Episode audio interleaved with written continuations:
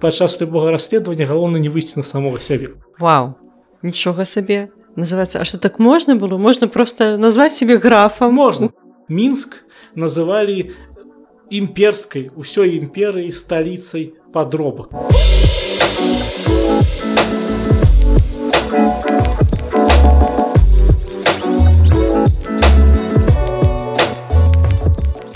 Добры дзень шаноўнае гаспадарства з вами падкаст так склалася гістарычна і я яго вядучая аўтарка дзягель Ганна. Рада вас чуць віртуальна на наших хвалях нашага падкасту. І сёння у нас у гасцях уже добра вам вядомы даследчык архівіст гісторык Яўген глінскі. Вітаю Евген добрый дзень у мінулы раз мы гаварылі пра працэс разбору шляхты Але сёння мы паговорым пра больш спецыфічны аспект гэтага працэсу пра фальсіфікацыю дакументаў. Евген, расскажите, калі ласка, як упершыню вы сутыкнуліся вось з фальсіфікаванымі дакументамі? Падчас працы ў нацыянальна-гістарычнай архіве Беларусі я займаліся падрыхтоўкай серыі гербоўнік беларускай шляхты і якраз яна заснавала на матэрыялах, які ўтварыліся падчас разбору шляхты. І часта па гэтых матэрыялах бачна што штосьці гісторыя сямейная асобных родаў мела нейкія парадаксальныя павароты. Многія роды чамусьці ў канцы 18 стагоддзя рэзка збяднелі. Тут яны падаюць дакументы падчас разбору шляхта што ў 17-18 стагоддзях у іх былі маёнткі з прыгоннымі. А тут яны ўжо арандуюць зямлю пражываюць у гарадах знаходзяцца на нейкай такой дробнай зусім невыразнай службе. і У некаторых выпадках канешне гэта адпавядала рэчаіснасцю такое здаралася сапраўды некаторыя роды пятнелі але тут была прычына ў іншым. Аказалася гэта вядома у навуковай літаратуры было і гэта стала вядома калі працуеш з гэтымі самымі дакументамі што многія гэтыя дакументы абвалоданні маёнткамі прыгоннымі сялянамі займанні дзяржаўных пасаду яны былі сфальсіфікаваны мэтанакіравана.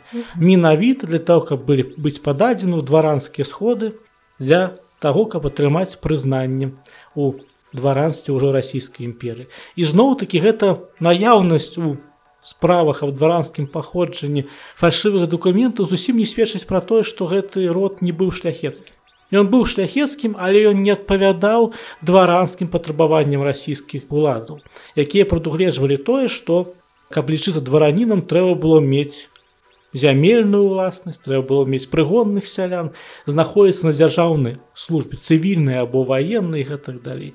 А ў нас мноства шляхецтва якое ніхто не аспрэч 18-18 стагоддзя яна гэтым крытэрыям новым для сябе не адпавядала. І вось тады для дапамогі ім прыходзілі фальсіфікатары якія і стваралі гэтыя дакументы часта адным і тым самым почеркам які добра пазнаецца калі глядзець масівам гэтыя дакументы ты ўжо разумееш пра тое што гэта рабіў канкрэтны чалавек нават яго у некаторых выпадках нам нават вядомыя імёны гэтых людзей і нават іх лёс звязаны з гэтым захапляльнай крыху галівудскай тэмай містыфікацыі фальсіфікацыі гэтых далей. Ну, я так разумею што калі гэтыя справы гэтыя дакументы фальсіфікаваныя яны разглядаліся на дваранскіх сходах то ну, гэта ж не было бачна яны кожны паасобку збіраліся. А тут ужо ў архіве бачна што нешта яны аднолькавыя. Так канешне плюс зноў такі верагодна самі супрацоўнікі дваранскіх сходаў часта былі не зацікаўлены ў тым каб выяўляць такія дакументы. Больш за тое часта самі супрацоўнікі дваранскіх сходаў былі ўцягнуты ў містыфікацыі адным з самых знакамітых містыфікатараў на тэрыторыі беларускіх губерняў які дзейнічаў сярэдзін 19стагоддзя містыфікатару дакументаў быў супрацоўнік мінска дваранскага сходу міхал гаусман было такое нямецкае прозвішча але ён быў даволі карэнны на наших землях чалавек з'яўляючыся аднаго боку чалавекам які разглядаў гэтыя дакументы з іншага боку іх самі пісаў то бок фактычна правяраў сам сябе як кажуць падчас любога расследавання галоўна не выйсці на самого сябе Вось ён мог літаральна кожны раз гэта зрабіць. На яго почерк нават мне добра вядомы, я не аднойчы яго бачу гэты почерк это чалавека. Цікавая постаць ён зарабіў такімі цёмнымі схемамі сабе грошай, што пабудаваў сабе шыкоўны дом у самым цэнтры мінска. Вось дзе зараз сквер каля купалаўская тата ось літаральна там яго быў дом вось зусім непадалёк нядрэнна да, так нядрэнна і тады і зараз гэта быў самы цэнтр мінска. Вельмі прэстыжнае месца. Ён у тым ліку зарабіўшы грошы на вось гэтых самых падробках. Але бывалі адваротныя выпадкі калі і супрацоўнікі дваранскіх суду выяўлялі гэтыя дакументы. Напрыклад двадцатые гады быў такі вядомы мінскі грамадскі дзеяч юры кабылінскі. Ён быў супрацоўнікам кіраўніком гэтай канцыляры дваранскага схода мінскай губерні ён быў дальше вядомы філантроп калекцыянер пахаваны на каварыскіх могілках там захавалася яго магіла ну вядомы чалавек карацей і вось ён у некаторых выпадках выяўляў і пісаў такія разгромныя ну як рэцэнзіі mm -hmm. на тое што быць таго не можа што тут згаданыя рэаліі ў гэтым дакуменце немагчымыя. Людзі якія там згадвались не жылі ў тыя гады то праводзіў такую знешнюю крытыку і ўнутраную крытыку дакумента. Mm -hmm. ось як нас вучылі на гістарычных факультэтах. Але скажем ну гэта толькі відаць калі ўжо дакументы былі настолькі непадобныя плюс магчыма калі скажем скажем і яму не дасталося нейкая кавалка ад гэтых вось сум які ішлі фальсіфікатарам але не будзем яго абвінавачыць таму что чалавек быў вельмі вядомы якраз той чалавек які документы гэты правяраў потому что прыклады такія калі ён адхіляў гэтыя документы з аргументацыі што гэта несумненныя падробкі мне траплялись. А якія былі шляхі фальсіфікацыі што можна было зрабіць каб прызналі шляхцічам ну самы просты шлях але ён толькі адкрыты для ўладальнікаў распаўсюджаных прозвішчаў тыпу там і вашкевічы івановскія кавалеўскія зянковічы іншыя такія прозвішчы ўтвораныя дымёну просто прыпісацца да іншага роду. Звярнуцца да гэта роду відаць даць грошай той іх трот які ўжо атрымаў прызнанне або зацвярджэння ў дваранства і сказаць што мы там ваши далёкія родзічы прыпісацца у іх радаводнае дрэва Але з тых жа 30-х гадоў пасля ўзмацнення разбору шляхты расійскія ўлады ўжо закрылі такую магчымасць. Ужо нельга было так просто прыпісацца да роду. Все правяралася трэба было каб твае продкі ў прамой лініі былі прызнаны. Нельга было сказаць што вось мой стрыечны дзед быў прызнаны і значыцца і моя галіна таксама прызнана. Але ну гэта была не адзіная магчымасць. Яшчэ была магчымасць пакуль не адбудзе трэці падзел і все ну, амаль все беларускія землі не трапілі ў склад расійскай імперыі. Была яшчэ такая магчымасць як атрымаць пасведчні з таго боку мяжы. Вось напрыклад у полацкай губерні это тэрыторыя будучай віцебскай губерні там пэўны час называлася полацкай.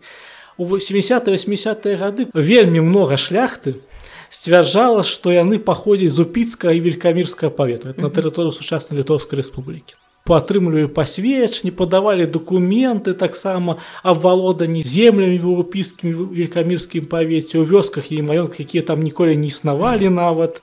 Атрымлівалі пасведчання тых людзей якія ў гэтых паветах не жылі просто падраблялі тыпу яны ездзілі за мяжу ось мяжу паміж першым падзелам ўсёй астатняй тэрыторыі рэчы паспаліты можна было так выкруціцца напрыклад вельмі папулярна і калі ты не разумееш што это фальсіфікаты калі ты не правяраеш па спісах роду якія жылі великкамірскім тым ж павеце піскім то можна падумаць што была нейкая дзівосная міграцыя людзей там 18 18 стагоддзя пераязджалі канешне яны мелі поўнае права перажаць але не ў такіх маштабах не ў такой колькасці Таму гэта таксама трэба мець наваць это не просто дзеля цікавасці ці тыпу ты вось раскрыў фальсіфікацыю якая там 150 ці 200 гадоў таму была зроблена не а галоўна тут калі ты працуеш это крытыка крыніц гэта Таму што мы пішам гісторыю асобных родаў, а ў перспектыве гісторыю асобных супольнасцей шляхецкіх. І калі мы будзем улічваць гэтыя дакументы як сапраўдныя, мы атрымаем скажэнне гэтай гісторыі. Гэта та сам дапусціць нельга і таму гэта праца прыкладная. Гэта не проста такія антыкварныя забавы, тыпу вось фальшывы дакумент, я сяджу над ім корпусе. Это верыфікацыя крыніц, праверка іх сапраўднасці і часта мы зноў-такі атрымліваем зусім іншую гісторыю калі паглядзець на гэтыя крыніцы там людзі валодалі маёнткамі займалі пасады а ў рэальнасці яны ў 17 стагоддзі і 18 стагоддзі былі звычайнымі арандатарамі на зямлі ў ты жа радзівілу напрыклад якія вы можете успомніць такія самыя яркія прыклады ну, самых яркіх фальсіфікатараў Ну вось пра міхала гаўсмана я сказаў. Ён адзін з самых харызматычных напэўна фальсіфікатараў які фактычна выйшаў сухім з вады. Яго праўда судзілі але за дачыненне да паўстання 63 года. Там уж не зусім он выкруціўся з сухім з вады. Там была цэлая палітычная гісторыя за якую ён трапіў под расійскія разборы гэтыя судовыя гэтых далей але не за фальсіфікацыі. А вось у 20 30 гады і нават раней у слуцкім павеце дзейнічаў сапраўдны сіндыкат фальсіфікатараў аўтараў это было шмат у чым абумовлена аб'ектыўнымі прычынамі якраз случана былыя валоданні радзівілу гэта была тэрыторыя дзе было безліч гэтых зямян арандатараў які вельмі многа шляхты. Існавалі цэлыя шляхецкія вёскі населены выключна шляхты і ім патрабаваліся документ дока шляхецтва у іх не было бо яны з 16 стагоддзя некаторыя з 15 стагоддзя жылі на землях гэтых радзівілаў і не мелі ніякіх маёнткаў і вось спрытныя людзі знайшлі такую магчымасць і іх узначалю чалавек это адзін з моихх любімых герояў все гэтай авантуры яго звалі Дамінік цяршеўскі ён быў мясцовы шляхціц ну сярэдняй заможнасці ён быў чыноўнікам пэўны у маладосці адкуль ён умеў падрабляць дакументы? У маладосці ён працаваў юрыстам і падпрацоўваў тым што разбіраў старыя архівы. Архівы ну, розных дваранскіх шляхецкіх родаў случаны І вось відаць там ён і нагледзеўся гэтых дакументаў, як выглядалі старажытныя дакументы 16-17 стагоддзя. І гэта дало яму пэўныя навыкі ўменні, які ён выкарыстоўваў прымяняў у практычнай дзейнасці, ствараючы дакументы э, фальшывыя. Праўда, у ён быў там не адзін, там некалькі чалавек працавала. Мы ведаем іх імёны. У тым ліку гэтай сферы была задзейнічана духоўная асоба, даволі высокае значэнне ўзроўню. Гэта быў слуцкі ксёнз станіслав шантыр. Ён таксама ён там выдаваў фальшывыя метрыкі. Сам уніяцкія святары займаліся выдаваннем фальшывых метрычных запісаў аб наражэнні вось якраз. Ну каб пацвердзіць паходжанне Станіслав Шантыр цікавы чалавек ён на сабе прыдумаў легенду. І фальс... ну, пра тое што ён паходзіць там ледзьці не з рымскай імперы ён да свайго роду прымацаваў гэту легенду аб паходжанні шляхта ВКл ад рымлян. Ён таксама быў і потым аўтарам містыфікацыі рознага ўзроўню пра рэлігійнага характару пра святых і гэтых далей Так што ён разагнаўся в гэтым плане. Даволі сур'ёзны чалавек Ну а вось Дамінік цяшэўскі іншыя супрацоўнікі яны працавалі выключна практычнай сферы не ў такой элітарнай фальсіфікацыі а вось для падробкі дакумента Праўда іх была адна асаблівасць якая дзейнічала конечно не на іх карысць Я думаю што многія з вас глядзелі сетком тэорыя вяліка выбуху там быў такі харызматычны персонаж шодан купер. Так так конечно. Восьось ён калі ему трэба было схлусіць лічыў што трэба каб у твою хлусню паверылі стварыць безліч дэталяў самых дробных. І гэта якраз яго і подвозіла таму што ён забываў гэтыя дэталі блытаўся пачынаў панікаваць.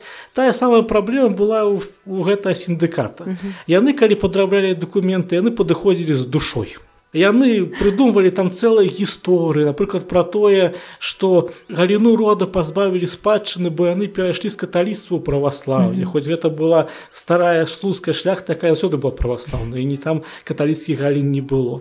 Або расказвалі пра тое што род страціў усё бо трапіў няміласць да чартарыскі хоць гэтаксама ніяк не звязана з чатарыскімі яны як гэты род не перасякаўся скандалы і інтрыгі так і гэта все записывалася документу якія по падавалі дваранскі сход.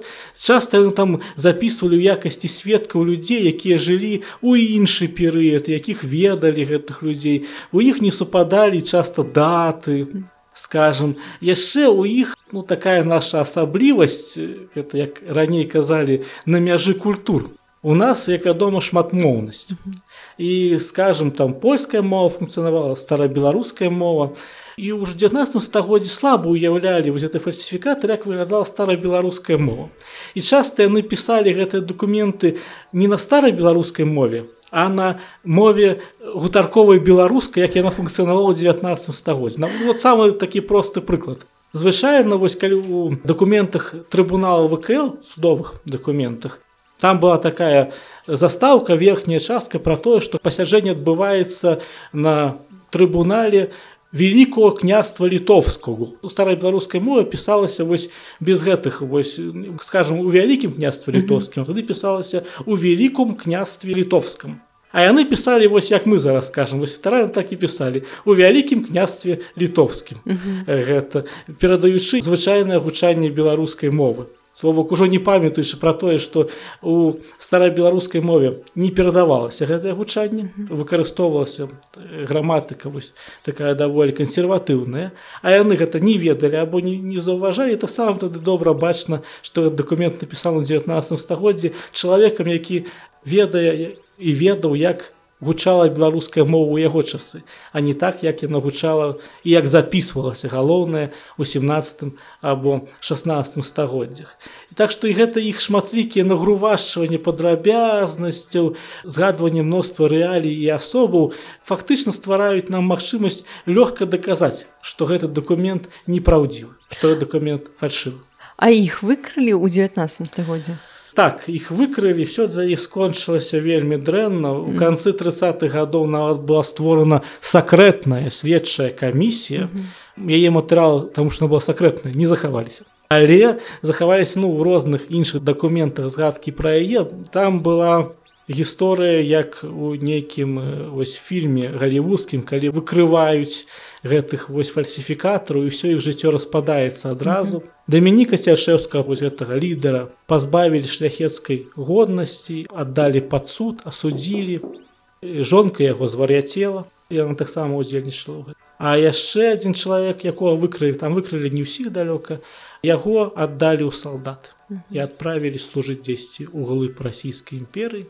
Так што для іх все скончылася даволі сумна але скончылася сума не для ўсіх фальсіфікатары былі ў асіх губернях не толькі у мінскай былі віцебскай як я уже казаў віленскай і гродзенскай вяртаючыся да мінскай у самім мінску быў таксама свой сіндыкат у які быў уключаны чалавек якого мы все ведаем не дзякуючы яго здольнасці містыфікатара а дзякуючы яго літаратурным здольнасцям гэта вінцент дунін марцінкевич вот это паварот на это так у тридцатые гады ён займаўся тым ну да таго як стаў пісаць свае творы ды права скажу падчас напісання сваіх mm -hmm. твораў паралельна ён займаўся падробкай дакументу больш затое ён нават пасядзеў ну, вядомы пішалаўскім замку mm -hmm. у мінскім турэбным замку які зараз выкарыстоўваецца mm -hmm. ён пасядзець нават паспеў пэўны час у турме але выкруціўся і все вінавачні з яго фактычна былі зняты.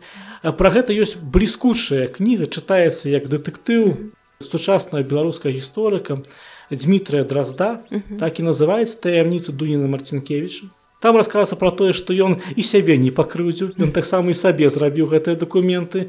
І таксама сцвярджаў што паходзіць яго род аж зданій не ведаю чаму яму там дані не зразумела чаму даня прыдалася але гэта асобная гісторыя. Калі будзе які-нибудь падкаст пра дуніна марцінкевич можна і пра яе расказаць. Але ён не толькі для сябе іх рабіў але рабіў для іншых шляхціцаў. Документы ў этой бліскучай кніжцы Дмітрия дразда усім рэкамендую азнаёміцца з ёй. Вельмі цікава чытаецца як сапраўдна такі гістарычны раман. Прычым што яна абсалютна на сапраўдных падзеях там няма нічога выдумана ніякай фабулы літаратурнай там няма. Але ў яго быў супрацоўнік ну разам з ім не ведаю хто там быў галоўны хто не галоўны марцін чапковскі. Вось ён якраз больш вядома яго ўжо злавілі капітальных былі гатовы яго асудзіць ужо. Але он зрабіў ход яшчэ большым канём чым дунін марцінкевич просто уцёк з-пад варты і прапаў.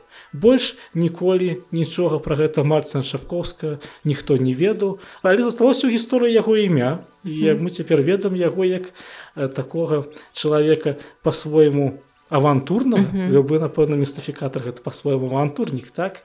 Але вельмі цікавая дарэчы калі вяртацца да дуін марцінкевічам у літаратуразнаўстве ёсць такая пэўная спрэчка пра тое ці з'яўляўся ён аўтарам пінскай шляхты. Ну, самы вядомага свайго твора. Так, так.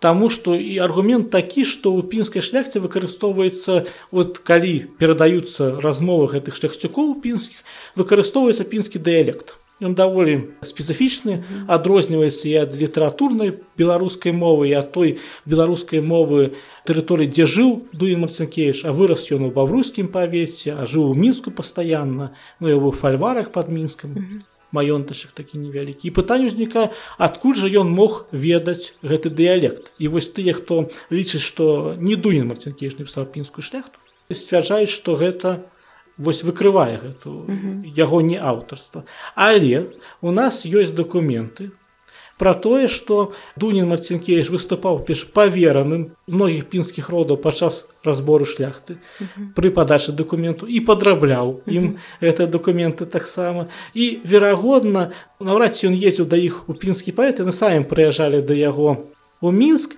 І несумненна яны ніякай іншай мова падчас сваёй народнай гутарковай мовы не ведалі. Яны напэўна з ім не па-польску размаўлялі і не на вось беларускай мове цэнтральных дыялектаў. Не ні ў якім разе. Размаўляю на сваёй мове. Ён мог чуць яе ад іх. І як чалавек літаратурна падрыхтаваны як чалавек глыбока густу літаратуру запамінаў яе і потым выкарыстаў гэтым сваім знакамітым вадывілі ствараючы такія каларытныя партрэты тым больш зноў-такі нават у прозвішча гэтай шляхты якая згадваецца у ягодным творы это рэальныя шляхецкія прозвішчы якія існуюць у ваколіцах пінскай асабліва давыд гарадка і сапраўды ён з гэтымі людзьмі непасрэдна уладальнікам гэтых прозвішчаў ён і рабіў дакументы выступаў якіх павераны падчас доку шляхетства там самі зразумела часта яны былі мала пісьменныя або наогул непісьменныя самі не маглі падаць дакументы ім патрэбны быў адвакат ну як і зараз. Mm -hmm. чалавек які быў бы спрактыкаваны ў гэтых справах. І вось вінценту марцінкевич выступаў у гэтай якасці і мог у такім вось чынам ён мог даведацца як гучыць пінскі дыялект. Цудоўная гісторыя пра падробкі пра фальсіфікацыі. А вось скажитеце ласка як часцей гэта адбывалася? Звычайна падраблялі цэлыя дакументы альбо напрыклад некуды можна было ўпісаць сваё імя? Ці падраблялі чыста тэксты ці можа там састарвалі паперу там нейкім чынам там фарбавалі яе адразу ваш наганна што вы ў тэме. І маглі бы таксама паўдзельнічаць 19 стагоддзя калі б вы жылі ў ту эпоху Таму што вы зараз апісалі вось літаральна ўсе магчымыя схемы. Вось як гэта рабілася літаральна вось я думаю што і цячэўскі дуін марцюкей чапковскі выказалі вам сваю павагу Таму што вы прама пісалі да ўсё адбывалася адразу само сабой документ састарваўся mm -hmm. яго спецыяльна або бралі старую паперу напрыклад mm -hmm. судовых кніг 18 стагоддзя mm -hmm. вымалі паперу чысты там час заставаліся чыстыя аркушы іх вымалі mm -hmm. або спецыяльна састарвалі часам нават яе спецыяльна псавалі mm -hmm. напрыклад у бруд вымазвалі або крыху падпальвалі ствараючы антураж таких mm -hmm. вось эпох лихалецця воінаў документ захоўваць есці у зямлі цудам выратавалі так а так і пісалі вот літаральна так і пісалі тому что часто документы будаваліся постфактум уже пасля першага прызнання пасля першых паш документу так і пісалі что мой там мой нябожчык брат адшукаў гэтыя документамі страшнымі намаганнямі дзесьці ў сутарэннях і так далей мы пра іх самі не ведалі все вы ведалі тому что вы хто яшчэ купілі за дзень да падачы але тым не менш таксама Я вам казаў, што вось у полацкай губерні яны прыдумлялі дакументы з упіска ці векамірская павета. Расійскую лады разумелі, што такое магчыма. І таму кожны дакумент быў павінен быў быць правераны па судовых кнігах павятовых, ваяводскіх, а нават бывала і па метрыцы. Вот даже з метрыкай звязана вельмі цікавая гісторыя, я і раскажу. Крыху дагавару гэту сюжэт. І таму ствараўся фальсіфікат у двух асобніках. Адзін аддаваўся для падачы а адзін укладаўся у судовыя кнігі старыя. З адной датай адным почеркам напісаных а все было прыгожа. І потым яны тыпу правяралі па гэтых судовых кніг а там ён ужо ёсць. Таксама расійскія ўлады спрабавалі гэты судовыя кнігі перашываць замацоўваць пячаткамі каб не ўпісвалі але все гэта пустое Тым больш што я таксама была такая схема сцвярджаць, што гэтыя дакументы выдадзены з тых судовых кніг, якія не захаваліся. Напрыклад, у мінску і навагрузку былі частыя пажары 18 стагоддзя. А менавіта ў гэтых гарадах праводзіліся паседжанні галоўнага трыбунала вялікага княства літоўска. І вось можна было дакумент нібыта атрыманы з трыбунала калісьці, а зверыць яго няма з чым, бо кнігі то згарэлі ў гэтых пажарах. Это была такая схема вось таксама можна было так зрабіць вяртаючыся да метрыкі так, так. Э, там здарыўся канфуз з тымі людзьмі ад якіх ніхто не чакаў з графамі тышкевічамі тымі самымі да тымі самымі з таго роду з якія паходзяць Константины Яўстах вядомыя тым ліку гісторыкі вядомыя навукоўцы збіральнікі і аматары старажытнасць стваральнікі музеяў дык вось гэты род які называўся графамі у іх быў прывілей выдадзены жагемонтам другім августам на графскую годнасць. І все было нормально 300 гадоў все было нормально ніхто і графскую годнасць не ставіў пад сумненне. Але калі гэтыя дакументы трапілі ну, зразумела што тышкейша прэтэнзій не было яны лічыліся само сабой дваранам все нормально. Але каб атрымаць пацвярджэнне тытула арыстаграфска ці княжаска ці баронска там была ускладненая працэдура яны маглі просто здаволіць тым што на дваране але конечно не для тышкевічу гэта было ну, ім тышкевич так да. ім трэба было абавязкова пацвердзіць свой тытул расійскай імперы і вось адправілі гэты документ у петербург дзе тады знаходзіўся архіў метрыкі вКл А там працаваў францішак малеўскі былы філамат дарэчы. Так самы чалавек які для гісторыі культуры беларусі вядомы.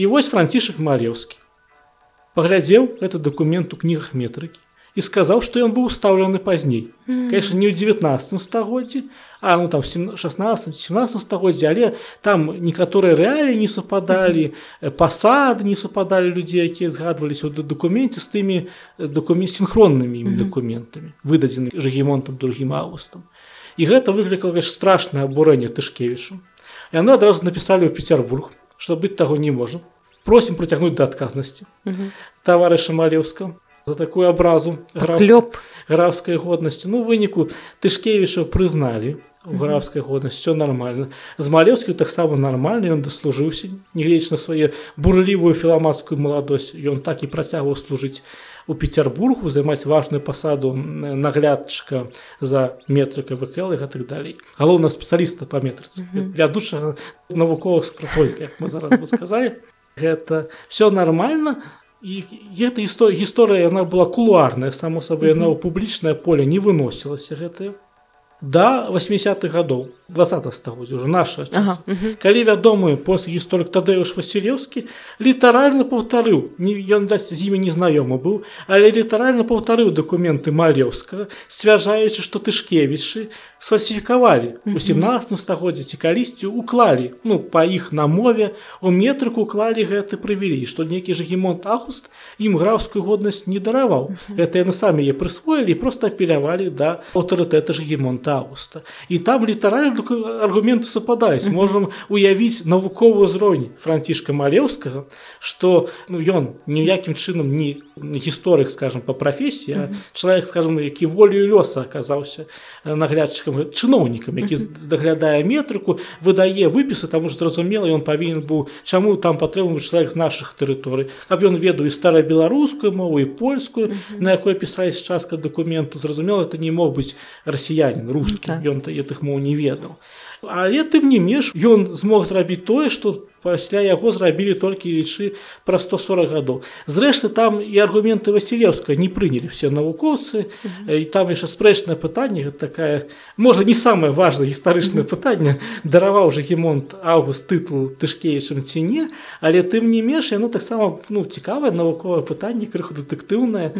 І вось як бачыце актуалізавалася яно даволі недавно 30 гадоў таму а у першым хто заўважыў гэтай неадпаведнасці быў яшчэ чалавек які жыў у сярэдзіне 19 годзе. Вау нічога сабе называется А что так можна было? Можна просто назваць себе графа можна класці у судовую кнігу документ і все і всім расказваць что ты граф. Ну можна было конечно больш за тое скажем калі мы возьмем іншыя роды магнацкі ты ж сапегі і гэта вядома ўжо больш-менш зразумела што яны ж самі конечно не князі. Гэта шляхецкі род арыстакратычны род але не князі. А яны называюся князямі. Чаму? Про 18 стагоддзя яны якраз уклалі ў метрыку у метрыку вКл. Па іх на мове былі укладзены документы што ім 16 стагоддзя была даравана княжаская годнасць uh -huh. але там все прасцей яны не карысталіся княжскім тытулам uh -huh. да прадку 18 стагоддзя таму незразумела чаму тады вы ім не карысталіся калі 150 гадоў таму яго даравалі uh -huh. і мы усе тут добра ведаем эту гісторыю А вось тышкевічым там пытанне спрэчна Ну і 19 стагоддзе былі таксама роды якія прэтэндавалі на княжаскую годнасць была нават шляхта зусім не багатая якая называла себе князямі mm -hmm. прыпісваліся княжскае паходжанне таксама без падстаў ну іх раскрывалі яшчэ і без такіх без такіх дэтэктыўных сюжэтаў там было все значна прасцей вось тышкейчым быў цэлы такі скандал. Лакальна але скандал? А вось калі вось гэтая фальсіфікатарская дзейнасць яна сышла на нет фактычна на ніколі. Пакуль існаваў разбор шляхты нават пасля паставіся трэця года все роўна працягвалі падаваць фальшывыя документы больш за тое і пры розных іншых нагодах пачалі гэта фальшыўкі стварацца. Але канешне пік это 30 сороквыя гады. Вось калі ўзмацніўся разбор шляхты тады і была створана асноўная маса фальшыва плюс мы павінны разумець што ў 52 годзе вось гэта судовыя кнігі у якія ўкладваліся документы былыя павятовыя ваяводскі яны былі перададзены ў агульны архіў у вільні вось той знакаміты віленскі цэнтральны архіў старажытных актаў і ўжо стала складаней ужо трэба было дамаўляцца з яго супрацоўнікамі і ты часто уже не так просто было тым больш там асабліва ўжо з 60-х гадоў працавалі скажем людзі ну ўжо з мясцовай шляхецкай карпорацыі менш звязаны звязаны mm -hmm. там было складаней і ты ў ліку супрацоўнікі яго гэта і мікіта гарбачэўскі іван спрогі свядомыя археографы ну, беларускі у тым ліку можна сказать хоць яны былі таго імперскага падыходу людзі але ну беларускі яны тым ліку былі аднымі з тых першых людзей якія актуалізавалі гэтаму фальшывак пісалі пра тое што у гэтых судовых кнігах бездзіш нават спрогі сваёй рукой. Так конечно ніякім разе рабіць нельга але 19 стагоддзя яшчэ было можна ён у канцы некаторых судовых кніг просто пазначаў нумары документаў якія на яго думку не сапраўдныя а на некаторых нават просто пісаў что этот документ подроблены ці сумнеўны сам пісаў талоку гэта конечно у цяперашні час архівіст такой ніякім разе не робіць тому что руки нам за такое адаб'юць так і вы так не рабіце да не калі вы доіце да архіва то так не рабіце але тым не менш это тэма з фальсіфікацыямі документаў не грошай там нейкі каштоўнасцямі документаў была настолькі на слыху у 19 стагоддзе что мінск у называлі імперскай усёй імперыі сталіцай подробак Ну гэта конечно перабольшня уже казаў што і віцебску і ў вільні слуцк слуцк слуцку былі і у іншых былі па але вось мінск дзякуючы таму ж э, гаусману чапкоўскаму дуніну марцінкевічу нават у грамадскай свядомасць застаўся як горад дзе вось падраблялі дакументы такая каларытная старонка ў гісторыі беларускай сталіцы. Так тады мінск не быў сталіцай так, цэнтрам губерні, так. але вось сталіца падробак уже да, да, мінск сталіца падробак так і так пра яго і казалі. Да, ну і вось слуцкі павет у нас зноў усплыў мы калі з Наталлі ўразімеры сліч казалі там у нас таксама цікавы сюжэт быў пра слуцкі павет калі нехта не слухаў гэтыя выпускі то калі ласка запрашаю скажите евген а калі больш падробак было выяўлена ўжо ў 19 стагоддзе ці цяпер гісторыкамі архівістамі магчыма вамі ў прыватнасці? Ну не хацелася все хваліць прылюдна але зразумела что нават вось і дарэчы пахвала фальсіфікатарам большасць падробак выяўляем ужо мы mm -hmm. вось людзі якія мы працуем непасрэдна дакументы бачым іх масіў mm -hmm. абсалютна большасць дакументаў нават той же іван спроес калі мы адкрыем тыя кнігі які ён пазначаў правяраў на наяўнасць фальсіфікатаў там добра калі ён трэць mm -hmm. не пакрыўдзячы івана яковлевич яго кваліфікацыю несумненную археаграфічную мастадонт археаграфічнай справы але тым не менш добра калі ён трэць гэтых дакументаў выяў якія былі сапраўды фальшывыя а ўжо ў саміх дваранскіх сходах я уже про гэта азначаў что mm -hmm. там часто люди самі былі задзейнічаны вось як той же гаусман адной рукой іх рабіў іншы правяраў Таму там таксама асабліва не звярталі на гэту увагу. І ў петербургу тым больш там mm -hmm яны не разумелі наших рэалій канешне абсалютна і там таксама іх ніхто асабліва не правяраў толькі вось бывало правяралі ў метрыцы вось як той же выпадак на францішка малеўскага і графу тышкевіча але гэта лічаны гэта вось па ініцыятыве самога малеўска что называется праявіў такі службовы імпэт на сваю галаву чалавек что называется. Але абсалютная большасць гэтых пашывак прайшла ідэальна людзі якраз па іх атрымалі на пацвярджэнне шляхецкай годнасці ў расійскай імперыі Ну і здорово людзі дзякуючы ім зноў таки это былі сапраўдныя шляхцішы 95 процентах абсолютно сапраўдныя шляхціцы яны былі і дзякуючы ім яны маглі захоўваць свой сацыяльны статус не плаціць вось гэтыя падаткі не служыць рэкрутчыну что что істотна что вельмі істотна і заставацца на тым становішчы ў грамадстве. Вось не трапіць под гэту дэкласацыю не трапіць у падатковыя саслові у больш нізкія саслові. Так что ну дасягнули яны свае мэты А вось мы цяпер ужо калі саслові давно скасаваны гэта не мае ніякага значэння нам дзеля карысці гістарычнай навукі ідзе лепшага разумення mm -hmm. развіцця наших зямель развіцця асобных саслоўяў наших землях асобных родаў асобных карпорацый шляхты павятовых ваяводскіх так далей.